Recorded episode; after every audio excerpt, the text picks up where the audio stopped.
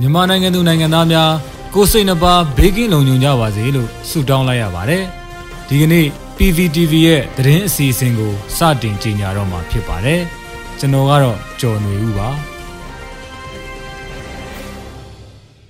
ပထမဦးစွာပြည်ထောင်စုလွှတ်တော်ကိုစားပြုကော်မတီနှင့်အမျိုးသားညီညွတ်ရေးအစိုးရတာဝန်ရှိသူများဟာပြင်သစ်နိုင်ငံအထက်လွှတ်တော်နိုင်ငံသားရေးကော်မတီနှင့်တွေ့ဆုံဆွေးနွေးခဲ့တဲ့သတင်းကိုတင်ဆက်ပေးမှာဖြစ်ပါတယ်။ပြင်သစ်အထက်လွှတ်တော် နိုင်ငံသားရေးကာကွယ်ရေးနှင့်လက်နက်ကိုင်တပ်ဖွဲ့များဆိုင်ရာကော်မတီ Senate Committee on Foreign Affairs, Defense and Armed Forces ဥက္ကဋ္ဌ President Mr. Christian Kambon ၏ဖိတ်ကြားမှုအရ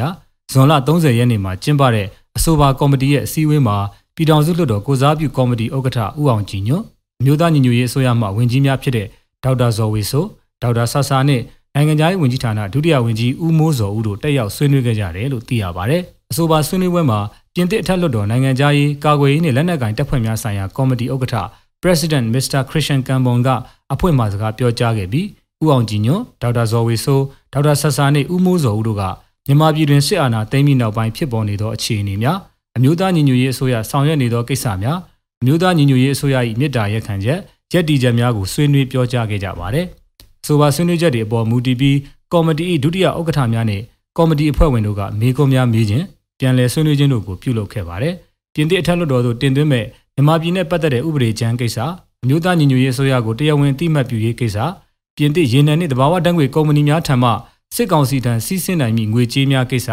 စစ်ကောင်စီကိုထိရောက်စွာအရေးယူရေးကိစ္စမြန်မာနိုင်ငံ၏အိန္ဒိချင်းနိုင်ငံများအာဆီယံကုလသမဂ္ဂ၏အရေးယူဆောင်ရွက်မှုများလူသားချင်းစာနာမှုအကူအညီများ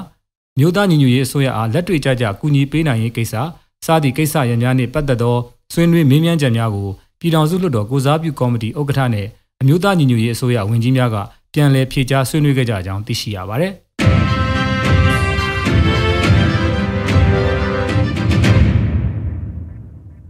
ဆက်လက်ပြီးပြည်ထောင်စုသမ္မတမြန်မာနိုင်ငံတော်အမျိုးသားညီညွတ်ရေးအစိုးရအမျိုးသမီးလူငယ်နှင့်ကလေးသူငယ်ရေးရာဝန်ကြီးဌာနနှင့်ထောင်ဝင်စာပို့ကြမယ်အဖွဲ့တို့ပူးပေါင်း၍ຫນွေဦးသူရဲကောင်းတို့ကိုထောင်ဝင်စာထောက်ပံ့ပေးနေတဲ့တဲ့တင်ကိုတင်ဆက်ပေးမှာဖြစ်ပါတယ်။အကြမ်းဖက်စစ်ကောင်စီရဲ့ဖမ်းဆီးထိန်းသိမ်းခြင်းကိုခံရပြီး ထောင်ထဲရောက်နေတော့လဲထောင်ဝင်စာမတက်နိုင်တဲ့ຫນွေဦးသူရဲကောင်းတွေကိုအမျိုးသမီးလူငယ်နှင့်ကလေးသူငယ်ရေးရာဝန်ကြီးဌာနနှင့်ထောင်ဝင်စာပို့ကြမယ်မှလူငယ်ကောင်းဆောင်များတရားဝင်ပူးပေါင်းကထောင်ဝင်စာထောက်ပံ့ပေးနေတယ်လို့သိရပါတယ်။ပို့ဆောင်မှုအခက်အခဲတွေကြောင့်မူလကအင်းစိန်ထောင်ကိုသာပေးပို့နိုင်ခဲ့တော့လဲအခုတော့မန္တလေးအိုးဘိုထောင်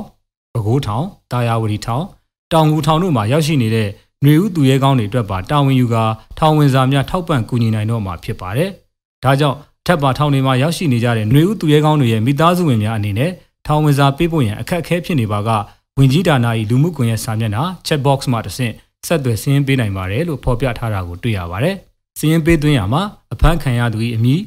ပုံမှအဖမ်းခံရသည့်နေဆွဲထောင်အမည်အုပ်ထိန်းသူအမည်ဆက်သွယ်ရမည့်ဖုန်းနံပါတ်များအပြည့်အစုံပေးကစည်းရင်းပေးသွင်းနိုင်ပါတယ်။အမျိုးသမီးလူငယ်နှင့်ကလေးသူငယ်ရေးရာဝန်ကြီးဌာနရဲ့လူမှုကွန်ရက်စာမျက်နှာကတော့ www.facebook.com/mowYCA ဖြစ်ပါတယ်ခင်ဗျာ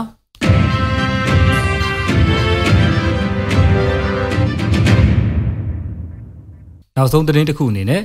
IBAHRI International Bar Association's Human Rights Institute လူအခွင့်အရေးဆိုင်ရာနိုင်ငံတကာရှင်းနေကြီးများအသင်းမှမြန်မာနိုင်ငံရေးခေါင်းဆောင်များရုံးတင်မှုအတွက်စုံစမ်းမှုများပြုရန်ထိပ်သီးစုံစမ်းရေးအဖွဲ့ဖွဲ့စည်းလိုက်ခြင်းဆိုတဲ့သတင်းကိုတင်ဆက်ပေးမှာဖြစ်ပါတယ်။ လူအခွင့်အရေးဆိုင်ရာနိုင်ငံတကာရှေ့နေကြီးများအဖွဲ့မှမြန်မာနိုင်ငံရေးခေါင်းဆောင်များဖြစ်ကြတဲ့နိုင်ငံတော်အတိုင်ပင်ခံဒေါအောင်ဆန်းစုကြည်နဲ့တမရာကြီးဦးဝင်းမြင့်တို့ကိုခုံရုံးတင်စစ်ဆေးမိအမှုအတွက်ကမ္ဘာထိပ်တန်းရှေ့နေကြီးများပါဝင်တဲ့စုံစမ်းရေးအဖွဲ့ကိုဖွဲ့စည်းလိုက်ပါတယ်။ထိုထိပ်သီးအဖွဲ့ကြီးဟာ၎င်းအမှုမှာဥပဒေအရမှန်ကန်စွာဆောင်ရွက်ခြင်းရှိမရှိကိုဆုံးဖြတ်ရန်အမှုနှင့်ဆိုင်သောစာရွက်စာတမ်းများကိုလေ့လာမယ်လို့မြန်မာနိုင်ငံမှခိုင်လုံသောသတင်းရက်ကွက်များကဆိုပါတယ်။ထိုအဖွဲ့ကြီးဟာအမှုကိုစစ်ဆေးစဉ်ရုံးတွင်လာရောက်ရတော့၎င်း ဗီဒီယိုမှတော်၎င်းဗီဒီယိုမှတ်တမ်းမှတော်၎င်းတက်ရောက်လေ့လာလို၍မြန်မာနိုင်ငံပြည်ထောင်စုတရားလွှတ်တော်ချုပ်သို့စာဖြင့်တောင်းဆိုခဲ့တော်လဲထိုတောင်းဆိုချက်ကိုခွင့်မပြုခဲ့သောကြောင့်စာရွက်စာတမ်းများမှတဆင့်ယခုကဲ့သို့လေ့လာရသည်ဟုဆိုပါတယ်။ကမ္ဘာထိပ်သီးရှင်းနေကြီးများပါဝင်တဲ့ထိုစုံစမ်းရေးအဖွဲ့ဟာရနိုင်သမျှစာရွက်စာတမ်းများကိုလွတ်လပ်စွာလေ့လာပြီးအမှုစစ်ဆေးမှုတမာတမတ်ကြမကြမျှတမှုရှိမရှိဥပဒေနှင့်ညီမညီဆိုသည်များကိုအခါအားလျော်စွာအစီရင်ခံစာများထုတ်ဝေသွားမယ်လို့သိရပါတ ယ်။တမရာကြီးဦးဝင်းမြင့်ကိုဆွဆွဲထားတဲ့ဆွဆွဲချက်တွေမှာဖွဲ့စည်းပုံဥပဒေကိုချိုးဖောက်သည်ဆိုသောဆွဲချက်ပါဝင်ပြီးနိုင်ငံတော်တိုင်ပင်ခံဒေါအောင်ဆန်းစုကြည်ကိုဆွဲဆိုထားသောဆွဲချက်တွေမှာနိုင်ငံတော်လျှို့ဝှက်ချက်ကိုချိုးဖောက်ခြင်းနိုင်ငံတော်ပုံကံမှုကိုအားပေးခြင်းသူမ၏ကိုရန်တော်များနှင့်တရားမဝင်တင်သွင်းထားသောစကားပြောစက်များအသုံးပြုခြင်းနှင့်ကိုဗစ်ရောဂါကာကွယ်ရေးနည်းလမ်းများမလိုက်နာခြင်းတို့ပါဝင်ပါတယ်။တိရှိရသမျှကိုသုံးသက်ကြည့်ခြင်းဖြင့်၎င်းတို့အားအမှုမစစ်ဆေးမီရတင်ရထိုက်တဲ့အခွင့်အရေးတွေကိုလည်းမပေးဘဲထားတယ်ဟုယူဆကြပါတယ်။ ဥဝင်းမြင့်နဲ့ဒေါအောင်ဆန်းစုကြည်တို့ကိုရုံးထုတ်ခဲ့တော့လဲဇူလိုင်9ရက်နေ့သို့ထပ်၍ရုံးချင်းလိုက်ပြီးသတင်းတောက်များကိုလည်းရုံးတော်သို့တက်ရောက်ခွင့်လုံးဝမပြုခဲ့ပါ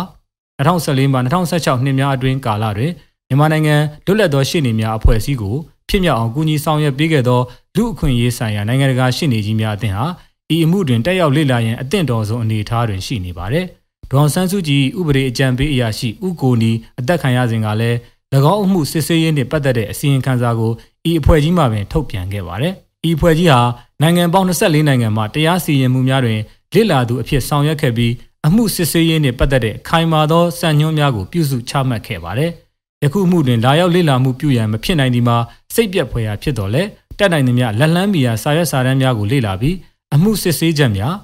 တရားမျှတမှုရှိမရှိစံညွှန်းနဲ့ညီမညီလုံထုံးလုံနည်းနဲ့ညီမညီစတာတွေကိုကဘာကသိအောင်လှုပ်ဆောင်သွားမယ်လို့သိရပါတယ်။ရေတော်ဘုံ အောင်ရမည်ရေတော်ဘုံအောင်ရမည်